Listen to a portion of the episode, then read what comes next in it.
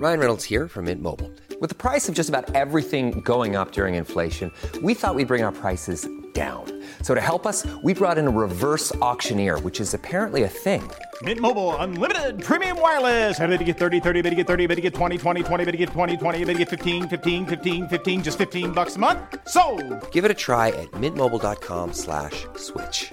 $45 upfront for three months plus taxes and fees. Promo rate for new customers for limited time. Unlimited more than 40 gigabytes per month. Slows. Full terms at mintmobile.com.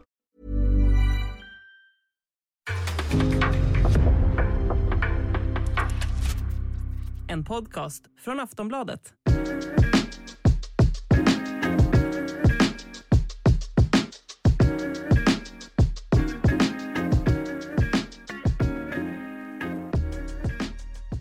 Allsvenska podden är tillbaka den här veckan och som vanligt finns det hur mycket som helst att snacka om.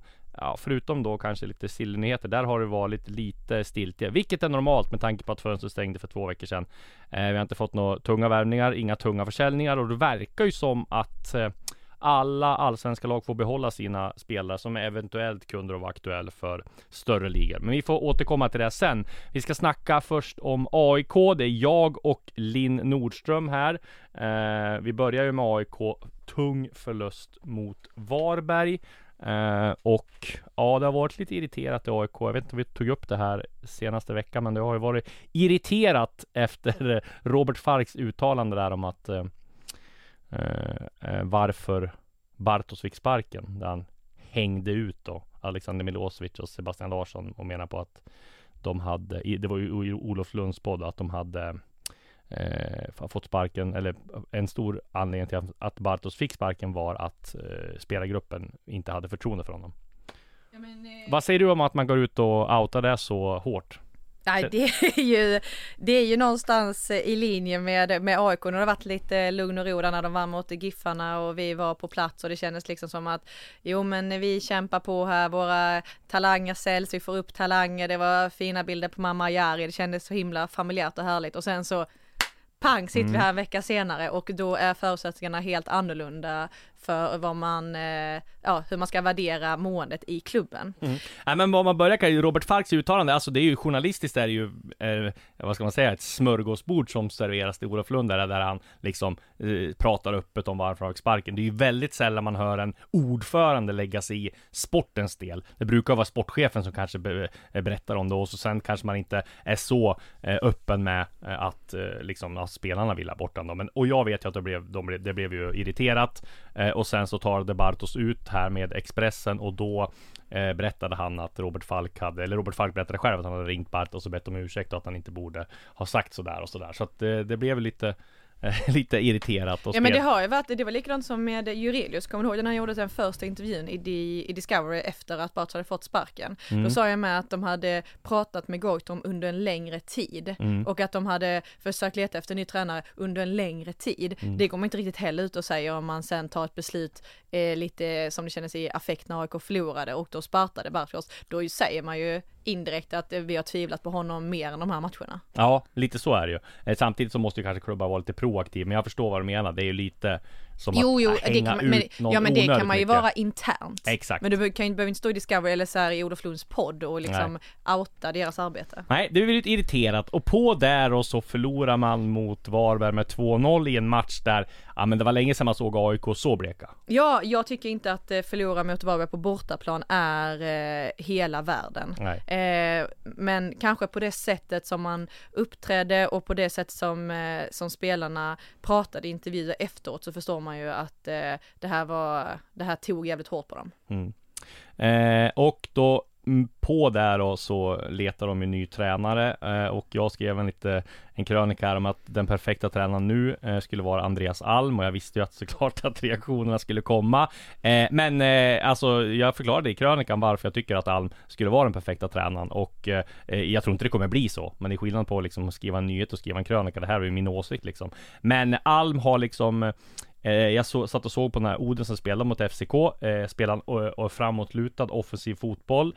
Eh, han är jättebra på att liksom slussa fram talanger, vilket han har visat i Alexander Isak, Robin Quaison, den här blå linjesatsningen. Eh, och han Eh, ja men alltså AIK är hans DNA liksom. Det, han vet exakt vad det innebär och så. Sen är det ju så här att man kan klubben. Ja, det är ju inte någon. Eh, det är ju viktigt i AIK, men det är inte någon avgörande del. Men avgörande är dels att han eh, tror han har respekten hos spelarna. Han har vunnit titeln med, med Häcken. Han har fått internationell erfarenhet, spelat framåtlutande fotboll och jag tror han skulle kunna göra väldigt bra. Eh, sen om det blir med, skulle det vara med Henok Goitom eller inte, det är väl en annan sak. Men jag tror han skulle vara perfekt för AIK nu. Risken tror jag för AIK nu, det är att man går och tar någon utifrån och sen blir det bara pannkaka av allting. Jag tror att i ett sånt här läge kanske det skulle vara bra att satsa på ett säkert kort. Men det är vad jag tycker. Om du väger all mot Gustafsson då? Jens Gustafsson, Mm. ja men Jens Gustafsson tror jag att eh, han eh, har det bra där nere i Polen. Eh, annars tror jag Jens Gustafsson också skulle vara väldigt bra. Men han har jag i princip räknat bort. För jag tror att han, eh, hans utlandskarriär, jag tror att får man chansen som utländsk, i, eller svensk utomlands så tror jag man kör på så länge. Men sen vet man inte, han kan få sparken i, i om någon Är det något som kan eh, locka hem honom så är det ju AIK också. Absolut, det tror jag absolut. Eh, vad var reaktionerna du fick? Nej men att eh, vi ska inte ha tillbaka Alm, bla bla bla bla.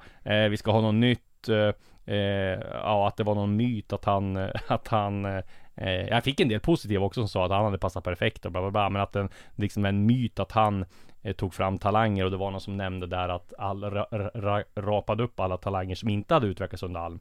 Eh, men då, på den listan var det typ en spelare som hade spelat utanför Sveriges, eller två spelare som har spelat utanför Sveriges gränser och som inte hade lyckats i vanliga fall heller. Och sen så eh, var det ju så att jag tror många glömmer hur illa ute AIK var 2010 när Alm tog över.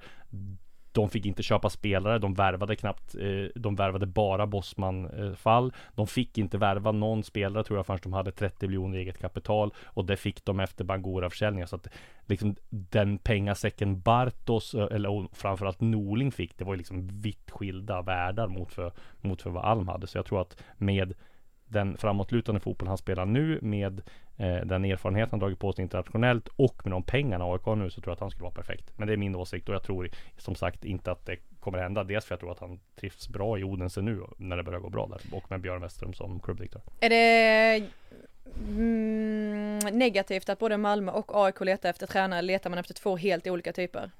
Alltså jag tror väl ändå att Nej, jag tror att Ja, jag tror att det är negativt för, för Alltså för, för klubbarna tror jag, för de konkurrerar om samma tränare. För jag tror att eh, Även om Malmö har mer pengar och kan betala större lön Så tror jag fortfarande att det är samma namn som dimper in hos eh, Malmö som hos AIK Sen är det möjligt att För att tränardammen är så liten? Ja, och jag tror att det är liksom Ja men dels svenska är ju de vanliga Det finns det ju liksom, det är exakt samma. Eh, Men utländska så, ja men tror jag också det är samma. Jag tror de slåss om precis samma tränare Jag tror inte det är någon skillnad Men det blir ingen Joao Henriquez i alla fall Han var ju här och eh, Var här en länge vecka. också. Ja, en vecka och eh, Men tror de väntar ut eh, Goitom?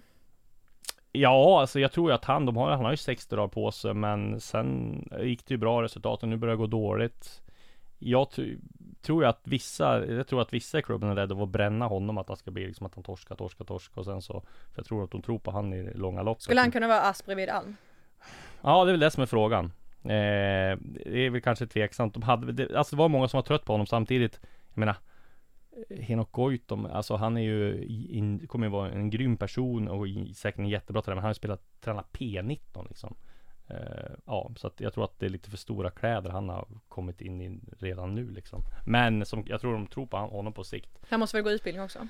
Ja, precis och det tar ju sin tid. Så att, eh, nej, det kommer hända, eh, vad vi vet kommer hända väldigt mycket i AIK framöver. Det blir spännande att följa dels tränarjakten, om de tar ett internationellt namn eller om de går på något svenskt namn eller, eller vad som händer. Det är kul när du har mer tid att skriva eh, krönikor och tyck när eh, fönstret är stängt. Mm, precis, det är lite roligt att, att göra det också. Eh, precis. Vi går på en match som du och jag var på tillsammans och som, nej men som blev ett antiklimax ändå får man säga va. Det var två fantastiska tifon, framförallt Hammarby måste, måste man ju framhålla. Det var ett av de bästa tifon eh, i år och kanske på väldigt länge. Sen tyckte jag att Djurgården fick en del skit för sitt, men jag tyckte det var jättebra. Stilrent först och sen växlade de över till det här kaos-tifot, så två väldigt bra tifon. Eh, men i matchen Ha, höll vi kan ju säga att Hammarbys var ju eh, en, eh, en karta över hela Söderort. ja, Ja. det var ju väldigt, väldigt, väldigt Ja. Fint gjort. Och, eh, men jag tyckte med att Djurgårdens var effektfullt. Först med. liksom eh, stilrent och sen eh, party. Men eh, jag tänkte på det när jag eh, tog eh, linje 19 då till eh, Tele2 att det var länge sedan jag såg fram emot en match så mycket som jag gjorde mot det derbyt. Ja, jag tror därför man blev så besviken. Ja, och då försökte jag rannsaka mig själv efteråt om det var så att jag hade hypat upp det liksom för Mm. mycket i min hjärna när man har varit på, på Hammarbys träning där någon dag innan och man kände att eh, Ja men och när man, jag var också i Norrköping när Hammarby förlorade där på det sättet man gjorde 4-1 Så var det som att nu trodde man att de skulle ta någon form av revansch Men eh, nej, det gjorde de inte och Nej. jag förstår att Djurgården firade mer än vad Hammarby gjorde som det kändes Mm. efter 0-0 Ja, det, det tänkte jag på också när jag satte betyg, att det var svårt att sätta betyg för att, ja men Hammarby hade ju eh, mest bollinnehav och mest chanser och sådär, men samtidigt tycker jag de individuella prestationerna eh, passade Djurgården mer, alltså matchbilden passade Djurgårdens eh, liksom, lite mer destruktiva spelare som Rasmus Schüller, eh, ja men Mange Eriksson, alltså de, de vann lite mer på det här med att de tog så mycket defensivt ansvar, så det var liksom om det hade varit normalt att det inte hade varit så mycket sånt eh, Att Djurgården hade gjort en så bra defensiv insats så kanske man hade, ja men då hade Hammarbys betyg varit mycket högre, eller lite högre än Djurgården Mm. Så nu var det liksom ändå jämnt ändå tyckte jag på något vis. För att Djurgården fick ut mer av just, just matchbilden och fick matchen mer dit de ville Även fast Veton Berisha ska ju göra 1-0 där när han får sin chans i slutet Ja absolut och Ludvigsson ska göra sitt mål i, i första, Ja. var det första tio när han har i princip öppet mål. Mm. Och det är så här, Bojanic gör inte en dålig match, Besara gör inte en dålig match. Nej. Så att det är inte, det går inte heller att, att peka ut, eller du, eh, du tyckte, Nej nej nej, jag håller jag med, tyckte håller du, med. eh, Nej, nej, nej. på huvudet. Nej nej nej, jag håller med eh, det är det som är svårt för att det var Ja. ingen dålig prestation någonstans men Det var och- medelbra liksom det var medelbra, det smällde lite, Hammarby hade några fler chanser men sätter ju inte dem och det har ju varit Nej. deras problem eh, genom säsongen. Det var ju också därför man inte tog eh, Svenska cupen-guldet. Nej precis, och man ska säga att på sådana här matcher, i derbyn brukar det alltid hända, det var någon händelse som man kan haka upp sig på liksom Som vi eh, på kvällstidning vill, vill ha, men det var det inte heller riktigt här Det var ju Dovin som fick eh, gå ut men då fick Ja. ju Azor fick ju inte ens kort för den Nej. situationen så det var också svårt eh, svårt efteråt. Så att eh, nej det var, det var ett antiklimax, det var en otrolig inramning, eh, jättebra publik från båda lagen. Men eh, lite sämre på planen får man ju motvilligt säga. Och sen var det ju, tyckte jag, eh, Marcus Danielsson tyckte jag var en av de bättre på planen här och han och Berisha hade ju många tuffa dueller Men det var ganska schyssta dueller Och pratar man med, med i alla fall jag pratade med Veton Berisha em, eh, före så Det var den här straffsituationen då Inom citationstecken som de, men han Berisha sa Första där- halvlek. Ja, Mm. men när han blev nersprungen av. Danielsson tror jag Ja men där menade Berisha på att du får aldrig med dig någon sån som anfallare Så han tyckte liksom inte heller att det var straff eh, Men sen var det lite Saidi tyckte det var straff. Ja, Saidi tyckte det var straff. Men sen var det ju lite roligt där när eh, eh, Ja men var det Diff-podden va, som la ut en bild från Kaknäs efter träningen de hade från derbyt där Bosse tittar ner i Marcus Danielssons ficka och så skrev de efter träningen var det många som letade efter Berisha. Ja, Det var lite hets. ja. Och den eh, kanske kom efter din eh, artikel där va? Det var Ja. du som startade igång eh, Ja, hetset. men man, man eh, det är mindre derbyhets utåt bland spelarna nu än förr i tiden. Det Mm. håller du väl verkligen med om som Ja, har varit med mycket längre än vad jag har absolut. varit. Eh, så man får ju, man får ju liksom eh, koka soppa på det man får. Mm. Eh, och eh, det är ju anmärkningsvärt att eh, eh, Berisha kommer till allsvenskan men gör noll research. Alltså det gjorde han inte inför AIK-derbyt heller och han Nej. gjorde det inte, han hade ju koll på eh, Wikheim lite ifrån Norge och sen så fick han ju stå länge och fundera innan han kom på eh, Hjalmar Ekdals namn för att Ja. de hade mött i landslaget. Så att ja, det blev lite hets. Eh, och det var ju kul och Berisha skulle gjort mål. Eh, men Danielsson, jag pratade med honom efter eh, i mixade zonen och han sa ju med om det skulle vara straff så skulle vi haft liksom eh, hur många straffar som helst Mm. i allsvenskan. Men det som var, om vi nu fokuserar på Danielsson så kändes det som att ehm, han sa också att det här var den bästa matchen han hade gjort när han kom tillbaka Ja, till allsvenskan och att det börjar kännas bättre, att det börjar kännas kul igen och eh, att han, eh, ja men det kändes som att det fanns lite, ja men lite så här gnista i hans ögon. Jag har ändå gjort rätt många intervjuer med honom när han var med i landslaget också och då, alltså den personen som man har intervjuat när han kom tillbaka till allsvenskan gentemot den som man intervjuade i landslaget var ju, man märkte att han var och är tagen av eh, det som hände i Kina. Ja, Men eh, nu kändes det som att eh, den gamla Danielsson var på väg eh, tillbaka. Han, han skämtar till och med lite. Ja, det är ett bra tecken. Och eh, tittar vi eh, framåt då eh, från derbyt så var det ju Malmö som direkt efteråt eh, 17.30 eh, såg ut att gå mot ännu en tung förlust mot Norrköping men vände trots att de missade en straff där på tre minuter. Isak Kiese Thelin ett eh, passade fram till Mustafa Zeidan och så gjorde han väl 2-1 själv eller om det var- tvärtom. Kiese Thelin och Mustafa Zeidan fortsätter leverera. Åge Hareide tar sin eh, första seger i Allsvenskan på första försöket efter torsken mot Braga där och eh, det var väl eh, extremt viktigt tror jag för Åge att eh, vinna där för nu börjar ju jakten ändå och eh, känns ju som att ja, Malmö måste väl kanske gå rent för att ha en chans men är det något, som ska, något lag som ska klara så är det väl Malmö. Malmö gjorde sin bästa match för säsongen. Ja, så känns det. Och då fick man en skada på Ande eh, Christiansen också. Och, Har vi fått en uppdatering kring den? nej, jag har inte eh, fått det. Nej, jag googlade innan vi gick in, jag såg inte någonting heller där. Nej. Däremot så kan man ju säga att Åge kom in och han bänkade Mustafa Zeidan. Han hade ju inte kommit eh, startat eller kommit in om inte AC var skadad. Buya Turay också bänkad. Så Åge vill sätta kanske sin prägel. Eller om han Han var ju tvungen att göra någonting för att Ja. visa att nu är jag här, så här Exakt. tänker jag, nu ska vi eh, Men liksom vända på det här. Det blir intressant att följa om han håller i det nu då. Mustafa Zeidan blir ju enligt mig svår att peta med tanke på den, den han har ju kanske varit en av Malmös bästa spelare sedan han kom. Nu gjorde han mål här. Eh, men det blir intressant att se just med Buya Turay. Där kan det ju vara. Mm. Eh, Men alltså Åge gjorde ju en, eh, en så, eller han gav ett sånt otroligt lugnt och harmoniskt och liksom glatt intryck på sin presskonferens. Mm. Och går han in och liksom, nu förstår jag att han är mer auktoritär i omklädningsrummet och speciellt på de här petningarna. Men eh, det där känns som eh, Nej, alltså det där jag är imponerad av Daniel Andersson att han eh, liksom får dit Åge, att man ändå känner den respekten för Malmö som Åge känner. Han har sagt att jag ska inte vara huvudtränare mer. Han hade Nej. andra uppdrag men bara så här, okej behöver ni min hjälp då kommer jag. Mm. Då har man eh, gjort ett bra jobb och man har byggt upp ett sånt pass stort förtroende. Ja, att, eh, att en sån tränare som Åge bara kommer och levererar. Ja, det får man säga. Eh, och eh, lite coolt också att just Åge, han är ju eh, rolig och är ju en eh, färgklick till Allsvenskan på alla sätt och vis. Är ju fantastisk att intervjua och känns som att det är precis samma sak som med Lagerbäck. Nu var ju inte Åge liksom samma personlighet som Lagerbäck under sin tränarkarriär, men det känns som när tränare passerar en viss gräns eller en viss ålder så känns det som de skiter i allting. Jag gör på mitt sätt. Jag bryr mig absolut inte om vad spelarna tycker. Jag bryr mig inte om vad supportrarna tycker. Jag kör mitt race. Jag har det här självförtroendet. Jag har varit förbundskapten för Danmark. Jag har tagit eh, Malmö till två Champions League-gruppspel. Jag har vunnit SM-guld. Jag, alltså, man, de har ett, en helt annan pondus och ett självförtroende än vad de kanske hade för 10-15 år sedan. Ja, Så och att- han och vågade det känns också, coolt på eh, något vis. Ja, och han vågade också avslöja detaljer på presskonferenser. Ja. Att, eh, menar att han hade fått det här samtalet ifrån eh, Daniel liksom bara för två dagar sedan och det var ju efter Malmös eh, match. Eh, Elfsborg. Ja, i Borås liksom. Och den, den detaljen kanske inte skulle gått rakt ut i en livesändning, men det skiter ju han i. Ja. Nej, eh, kul med Åge tillbaka. Vad ska vi säga något kort om Norrköping då? Man, de trodde kanske att de var tillbaka efter de hade vunnit här eh, senast, men nej. Jag vet inte, jag är inte så imponerad av Norrköping just nu. Nu är de väl, ja Helsingborg vann ju nu också så att eh, Ja det är väl sju poäng ner till kval va?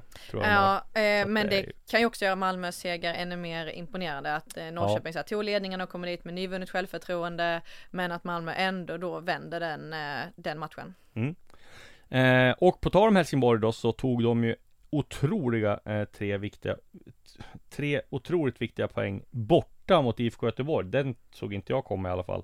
Eh, med tanke på den form som eh, IFK Göteborg hade, den go som de hade i laget med tanke på att man spelade hemma på mm, hemma. Eh, så att nej, det var riktigt. Men Helsingborg gör ju en suverän insats och ja, Micke Stare hyllar ju dem i tv-intervjun att de gör det väldigt bra och det var ju ännu mer imponerande får man säga med tanke på att har tappat eh, Gigovic där. Mm. Eh, men, Ja, men, Fa- eh, Falsetas väldigt bra, Kalili också.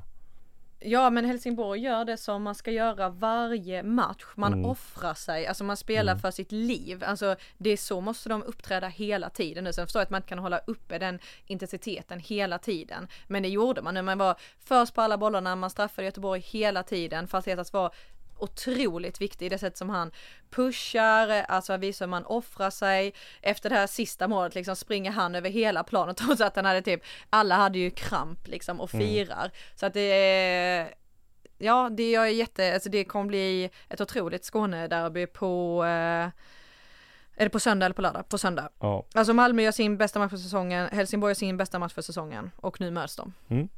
Och där får man ju ge lite cred till Andreas Granqvist också med tanke på vilka som gjorde mål. Amar Mushin, eh, nyförvärvet, gjorde eh, 1-0. Eh, Rasmus Wirsen Paul gjorde 2-1. Eh, och sen så blev det ju 3-1 eh, för rätta mig själv där. William Löper gjorde ju mål i 90 plus 6. Och jag menar, kollar man på statistiken så vinner alltså eh, Helsingborg skotten eh, totalt med 14-12. Skott på mål 8-2. Även fast de har liksom possession 38-62 så att Nej, eh, ruskigt imponerad av Helsingborg. Den såg inte jag komma heller. Jag trodde faktiskt att det skulle bli liksom halvt eh, eh, eh raserat. Men, men däremot så, så är det ju intressant nu och nu är det, återstår det åtta omgångar. Helsingborg och Degerfors har 17 poäng vardera. Varberg har 24 och Norrköping har 24. Alltså det är inte helt eh, omöjligt att det inte eh, på långa vägar avgjort lika som jag trodde det var. Nej och det känns som att. Helsingborg ehm, ja, men, har hittat sitt sätt att eh, såra motståndarna. För nu var det som att de attackerade i djupled, alltså både centralt och eh, på kanterna. Mm. Och där eh, hängde ju inte Göteborg, det var som att Göteborg inte alls eh, såg det komma. Det gjorde de ju flera, flera gånger. Ja. Nej men det är ju nästa omgången är ju på Det är ju Norrköping möter Kalmar hemma Ja, eh, Tuff bortamatch för dem Varberg möter Värnamo borta eh, Och Helsingborg möter Malmö så att ja nej och Degerfors eh, AIK. Möter AIK, precis så att ja nej det ska bli mycket spännande att följa både allsvenska toppstriden och eh, bottenstriden Det känns som att ja, det är bara Giffarna som är helt eh, avhängda Mm. just nu då. Eh, De torskar ju 2-0 mot Elfsborg. Och där var det stökigt när vakterna gick in i klacken och skulle släcka bengaler. där. Jag fattar ingenting där. Eh, Det känns som det var någon som tog sig allt för stora friheter. eh, När man gör det som vakt. Det har man ju sett i England att de gör men aldrig någonsin sett i Sverige. Så att nej, det, det var nog inget bra. Giffarna har startat en utredning. Eh, före det så var det Emil Forsberg som var ute i GIF-podden och riktade ganska star- skarp kritik mot eh, Sundsvall. Eh, Giffarna menar på att de, eh, ja lite grann som jag var inne på, att de borde satsa mer på unga spelare, men kanske framförallt då hans eh, Han sa ju att GIFarna Giffarna har blivit nästan som ett skämt när man skojar om eh, namnen på spelarna och värvar. Ja men det är Ronaldo Damos och Makrillos och Lasso och Corona och sådär så att Ja nej, det var det tuffa tider i, i eh, Sundsvall. Eh, Men de kämpar på. Ja, men eh, vi kan väl konstatera att med 10 poäng på 22 matcher så eh, är det ett superettan att få börja om i nästa år.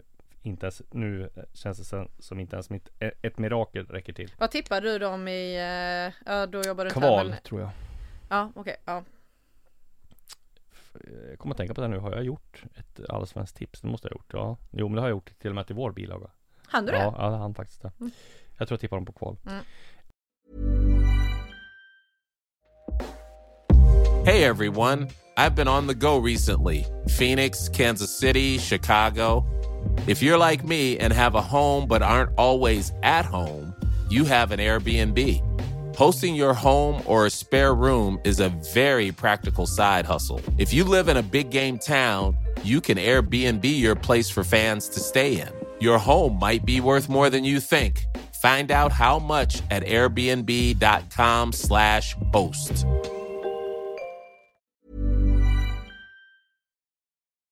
Det om det. Och vi har väl två matcher till så vi kan snacka om. Dels Värnamo som vann med 3-2 mot Sirius och Marcus Antonsson fortsätter att leverera mål på mål på mål här.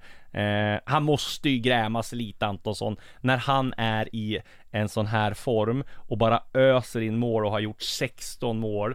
Eh, så finns det alltså en som är värre och det är Alexander Jeremejeff som har 21. Det är lite som Inga, absolut inga jämför, eh, jämförelser i övrigt. Men att Ronaldo och Messi har varit med varandra på samma under hela och så kommer man, men alltså sex, det här, 16 poäng på 22 matcher, det hade man ju gått mot en solklar allsvensk skytteliga eh, titel på Mm. eh, i alla år som har varit.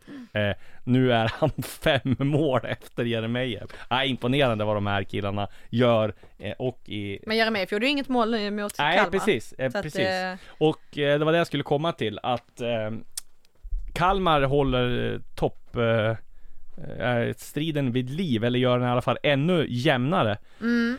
I och med att de tog den där poängen och de fortsätter att imponera såklart Kalmar, det kan vi snacka hur mycket som helst om och det har vi snackat hur mycket som helst om, även Häcken imponerar men eh, det är klart att eh, när de inte vinner där borta så är det ju nu Häcken 46, Djurgården 45 och sen trean Hammarby 41 då. Mm. Och där möts ju Häcken och Hammarby nästa omgång och sen Hammarby också Malmö nästa omgång. Så att, Jätteimponerad av Ja. eh, Kalmars eh, offensiv. Alltså jätteidérik och det, alltså, det blir sån eh, fart med Nanasi och Berg och Mm. eh, Netabay som jag har följt sedan Kristianstad-tiden. ja, Ehm, så att det var, det var skönt för eh, Häcken att de fick in eh, sitt mål där när de hade en bra period precis i början på andra halvlek. Annars hade det blivit eh, tufft. Mm. För det kändes som att de var rätt så idéfattiga eller kanske med att de stängdes ner bra i första halvlek. Men Mm. eh, alltså ja, de leder ju allsvenskan av en anledning och få in det där målet. eh, på tal om det så, ja, vi sa ju att det var liksom bistra tider i AIK, men samtidigt om man blickar framåt och så har man ganska tre hyfsat bekväma matcher nu. Börjar med Degerfors hemma. Ingen bekväm match såklart, men jag menar mot inte, ingen topplag. Och de är faktiskt bara två poäng från tredjeplatsen och Hammarby. Så skulle Hammarby förlora mot Malmö och AIK vinna så är man ju trea och har häng igen. Så att Mm. eh, det är nog för tidigt att, att Och räkna Hammarby bort dem. möter Häcken och Hammarby har ju eh, Malmö Kurtul- efter. Ja, Jaha, de har ju precis. Kurtulus avstängd. Ja, den är Och jobbig. Och eh, Häcken har ju Hammar avstängd. Mm. Så de har ju två, båda lagen har ju två mittbackar eh, avstängda. Eh, ja, Degerfors, Mjällby är inte så mycket att säga om va, 0-0 och där det var mest eh, snack om Noah Ellis. Att han fick ett, gult, ett andra gult kort för att han knappt snackade och det har vi varit inne på tidigare också. Domarna är ju alldeles för petiga när det gäller sådana där saker ibland. Kurtulus eh, gula korta i, i derbyt, alltså det har ju varit två tuffa matcher för honom nu. Ska, Ja. Alltså först straffen mot eh, Norrköping Mm. och sen ta det gula kort när man drar ner Elias Andersson precis utanför straffområdet och då blir avstängd i nästa extremt viktiga match. Mm. Men du tror att han är med i Jannes trupp som tas ut på onsdag? Edvin Kurtulus? Mm. Ja, det tror jag. Eh, jag tror att Vigge är med. Edvin Kurtulus, Hjalmar Ekdal. Hien. Ja, Hie, men det är en till också som vi glömmer. Som jag har kommit på. Vem kan det vara? Som var med senast. Ja, jag kommer inte ihåg. Ja, men någon, de fyra och en kanske. Det, men eh, ja, för, eller Joakim Nilsson är skadad. Jocke Nilsson skadad, Milosevic skadad, Starfelt. Starfelt skadad, Ja. Helander skadad. Så att Och Danielsson har sagt nej. Danielsson har sagt nej. Ja, men eh, det blir spännande. Du ska på den landslagsuttagningen på onsdag. Mm, du ska på Djurgårdens eh, presskonferens. Jag ska på Djurgårdens presskonferens och träning på onsdag eh, och, och så är det ju Djurgården-Molde på torsdag. Det ska Mm. bli väldigt spännande att se. Just Molde har ju gått som tåget i norska ligan och eh, det ska bli intressant att se hur Djurgården står sig mot dem. Eh, Molde körde ju över Elfsborg här i senaste kvalet och nu ska det bli spännande att se hur Djurgården står sig. Eh, det man kan säga är ju också att det var ju snack efter Djurgårds 0-0 eh, att det var ett ett misslyckande borta i Shamrock Rovers att de skulle vara det sämsta i grupp, eh, eh, laget i gruppen och vi får se hur det är nu men jag menar en seger här mot Molde känns ju inte helt eh, liksom eh, ja den känns ju inte helt onårbar på något vis att, Vad tror du om publiksiffran på en sån match? Ja det ska bli också spännande att se det är torsdag det är mitt i veckan match så att ja nej, men risken är väl att det inte kommer så jättemånga eller ja att det kanske kommer mellan 15 och 20 000 jag vet Mm, inte mm. eh, men jag hoppas att det blir fullt eh, tryck Min, eh, Tele2. jag hade ju en spaning den här veckan. Ja.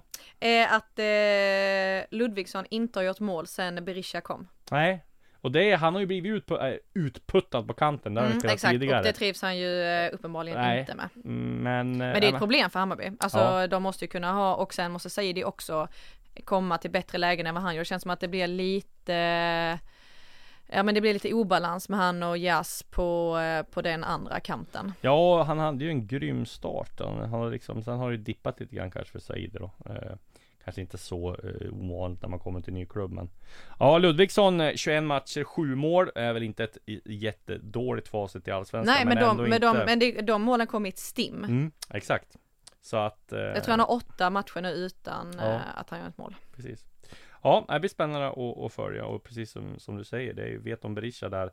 Man värvar ju inte en spelare för 15 miljoner och 10 miljoner sign-on eh, för att han ska spela på en position som han inte trivs på. Så Nej, men det de går ju kommer, inte. De kommer fortsätta spela han. Ja, och han centralt. gjorde ju mål mot AIK i derbyt. Ja. Han har gjort eh, flera viktiga mål för Hammarby också. Det var bara det att eh, han hade behövt sätta en av sina chanser i, eh, i derbyt. Mm.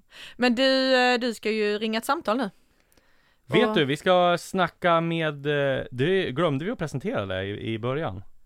Så Ja, det gjorde vi. Jag kommer inte ihåg, men det var, Nej. det var ju AIK-fokus, så jag, jag är rädd för det. Ja, jag är rädd för det. Men vi ska ha med oss Viktor Edvardsen i podden. Han ska få berätta allt om hur han upplevde derbyt från sidan. Vad han gjorde innan derbyt och vad han gjorde under derbyt.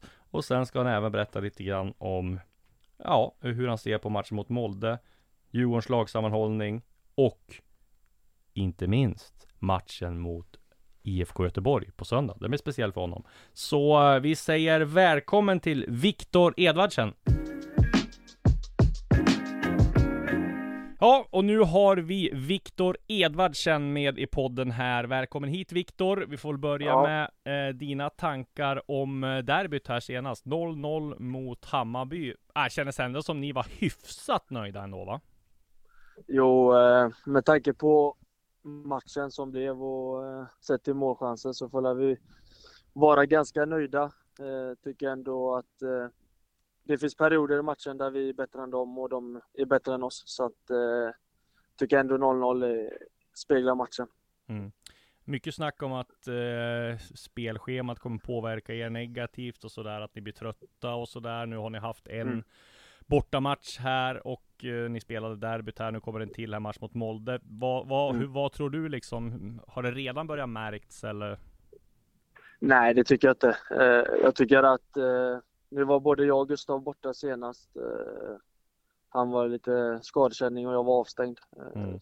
Där fick vi bra vila, men annars så tycker jag att vi har ett jävla bra go i, i laget och vi gillar att spela mycket matcher. Eh, och hade Hammarby sex dagar på sig innan våran match så eh, ungefär i samma tempo som oss. Så att, eh, jag tycker inte det var, man märkte någonting eh, så sett.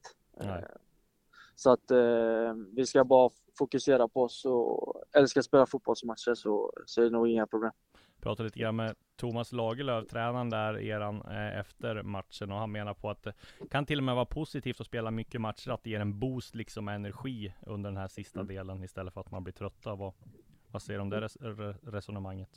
Nej, men jag tror också det. Eh, Jag har varit inne på det innan att nu under hösten när det kommer och vädret som är så, så tror jag att många tycker det är roligare att kanske åka till, till Belgien eller till Norge och, och till Irland som vi var nu och spela match istället för att få träna på en kanske en taskig gräsplan eller vad det nu är. Så att eh, jag tror att eh, det kan vara en fördel för oss och jag hoppas verkligen att det, det kommer vara det nu när, när vi går in här i hösten.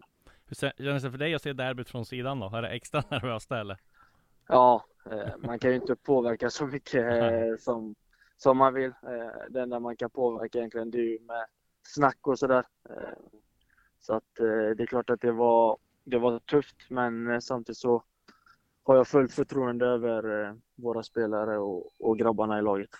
Det var i Djurgården ganska kort tid känns det. Du har fått, som du har fått en speciell relation med fansen redan nu på grund av det. Ja men får vi säga din personlighet och sätt att vara. Eh, det var väl lite Mm. bilder där när du stod och drog igång klacken. Berätta lite grann vad du hade före, före derbyt. Eh, nej, men jag, eh, jag känner några sedan innan eh, som är djurgårdare och som vi har lite mer gemensamma vänner. Så att eh, de frågade om jag ville komma förbi Gamla stan först. Så, så jag var där en sväng och ja, visade mig och jag vet att det uppskattas av, av många när man, när man tar sig tid när man inte ska spela. Så att eh, jag gjorde det lilla jag kunde göra. Så, eh, sen så gick jag upp en eh, sväng i klacken och drog igång en ramsa så, så det var kul. Var det bra tryck där i Gamla stan? Eller var, det var inga stökigheter? Det var, det var lugnt då? Ja, det var lugnt och sansat så det Ja. var inga problem. Det var mycket glädje och en feststämning så att eh, riktig derbykänsla. Ja, härligt. Du, om vi blickar framåt då. Molde hemma eh, här på nu på torsdag. Vad, hur går tankarna kring den matchen? Eh, äh, men tuff match väntar. Eh, de är leder ju sin serie med typ 10 poäng eller vad det är. Och eh, har gjort det bra i Europa i, i några säsonger så att eh, det kommer bli en riktigt tuff match och alltså, egentligen som alla andra matcher men där de också har där Europatempot i sig och spelat många sådana matcher så det ska bli kul att få mäta sig med dem och med, med Norges bästa lag så att eh, så länge vi gör det vi ska så, så kommer det nog bli en jämn match tror jag. Mm. Tänker man på någonting att det liksom är, ja vinner ni så är det fem miljoner in till klubben och är det oavgjort så är det två miljoner in. Det är ju ganska fina pengar. Ja, nej, inte under tiden vi spelar tänkte vi inte så, men eh, det är klart att vi har redan spelat in en del till klubben. Sen så kan man krydda det och vinna och vi vill ju vinna varje match. Eh, och kan vi inte vinna så kanske vi kan ta ett kryss borta exempel och vinna hemma så, så borde ju det gott. Eh, mm. Så att eh, vi ska bara ta en match i taget och tro på det vi gör så, så brukar det gå ganska bra. Om du ska sammanfatta din egen tid vid Djurgården så här långt, vad, vad säger du då? Helt okej okay ändå. Mm. Målen kanske inte har kommit som, som jag trodde på förhand. Eh, men eh, samtidigt, jag har gjort 15 poäng i Allsvenskan, jag har gjort fyra i Europa så att eh, någonstans får man ändå vara lite nöjd samtidigt som jag inte är nöjd. Så eh, jag har åtta matcher i Allsvenskan och jag har fem i Europa som jag kan slipa till mina siffror lite hoppas jag. Så, så ska jag nog eh, kunna vara nöjd efter säsongen. Vad har varit bäst hittills då? Nej men och alltså jag tror det är svårt att verkligen förklara hur det är att vara ett lag när goet är som det är. Eh, allting flyter på. Vi eh, gick in i ett Europagruppspel för första gången. Eh, Få vara med på de upplevelserna och vara en bidragande orsak till att man gör det. Eh, det är samma i Allsvenskan. Jag vet inte hur många matcher vi har nu utan att ha torskat eh, och få vara med på det istället för att, som jag gjorde förra året, fightas i botten. Och då blir de här stora matcherna blir ju eh, blir en jävla hype och något man kommer bära med sig resten av livet. Ja. Vad eh, säger du om allsvenskan och toppstriden där blir ju extremt viktig nu. Ni är med. Mm. Eh, Häcken tappar poäng nu. Senast mm. mot Kalmar. Vad, hur går tankarna kring det? Nej, men det, det, jag tror det kommer leva in i det sista tror jag. Mm. Eh, nu möter Häcken Bayern på lördag tror jag. Eh, och vi har Göteborg på söndag. Eh, så att vi måste ta varje match som en final. Eh, och egentligen kan man ju säga lite att vi har allt i egna händer. Vinner vi våra matcher så kommer vi vinna. Mm. Så att vi, men som sagt, vi ska ta en match i taget och göra det vi ska och, och så får man se där efter 6 november vem som har vunnit. Ja, jag går inte att komma ifrån, måste ju fråga hur det blir att möta Blåvitt då? Nej, det blir kul. Ja, hela, familjen som kommer upp här eh, eh, till veckan här på, på torsdag så att eh, det ska bli riktigt kul. En match jag verkligen vill vinna såklart. Så, mm. Det vet alla som har följt mig hur mycket den matchen betyder. Ja. Fira mot klacken eller fira det modest eller vad? Eh, nej, jag kommer nog inte fira här mot, eh, mot deras klack i alla fall. Jag har nej. för stor respekt för mina, speciellt mina föräldrar och min bror. Men eh, dels mot alla mina vänner också. Så att, eh, men gör jag mål mot våran klack så kanske man firar. Men eh, man behöver inte överdriva saker. Nej, jag fattar. Hade du frågat mig förra året så hade jag nog haft ett annat svar. För att? Nej, men det känns som man blir mognare varje dag. Ja, okay. att, och man har lärt sig av sina misstag man har gjort. Jaha, jag förstår det. Du, en annan sak som det snackas väldigt mycket om, det är ju lagsammanhållningen ni har haft i Djurgården. Man pratar, du var inte med eh, när de vann SM-guld här senast. Men då pratar man också om en väldigt speciell lagsammanhållning. Nu känns det som att många pratar om att han är ännu bättre. Vad, hur skulle du beskriva den och vad är det som gör att ni har ett så bra go i laget? Förutom då att ni har vunnit så mycket den här säsongen. Nej, men vi har ju spenderat ganska mycket tid eh, och sen Europaspelet drog igång. Eh, egentligen två matcher varje vecka och vi har varit borta i Rumänien var vi borta i fyra dagar, vi var i Kroatien i tre dagar och eh, då har vi spenderat ganska mycket tid med varandra. Eh, och eh, vi har accepterat det ganska bra. Det är klart att många har saknat sina familjer och sina tjejer och sådär men det har varit speciell känsla att vara tillsammans så mycket som vi har varit. Vi har även gjort grejer här hemma i, i Sverige tillsammans och för att komma närmare varandra och lära känna varandra som, som den man är också, inte bara fotbollsspelaren. Eh, så jag tror de där bitarna är, är väldigt viktiga och där har ju Mange Eriksson en stor del i, i varför gruppen är som den är, skulle jag säga. Om jag får lyfta någon där. Ja, för att, vad är det han gör då? Nej, men han verkligen vill eh, att gruppen ska, oavsett egentligen, alla vet hur det är om man inte får spela sånt, men jag tycker inte man har sett eller det har inte varit någon irritation i laget så sen så det är klart att vissa spelare är i lacka ändå, men de har inte visat det. Det är väldigt professionellt och eh, jag har aldrig varit med om något liknande i alla fall. Nej. Och till sist då, vad, nu är det match på eh, Molde, eller mot Molde på torsdag, eh, hemma på Tele2. Ja. Vad eh, gör du fram till den matchen? Hur ser schemat ut? När vi är lediga idag så håller på och småfixar hemma lite, så det hela det man får göra idag i det här vädret. Sen imorgon är det träning och stor förberedelse inför torsdagen. Mm. Det ska bli kul att få spela match igen. Kändes som det var ett tag sedan nu.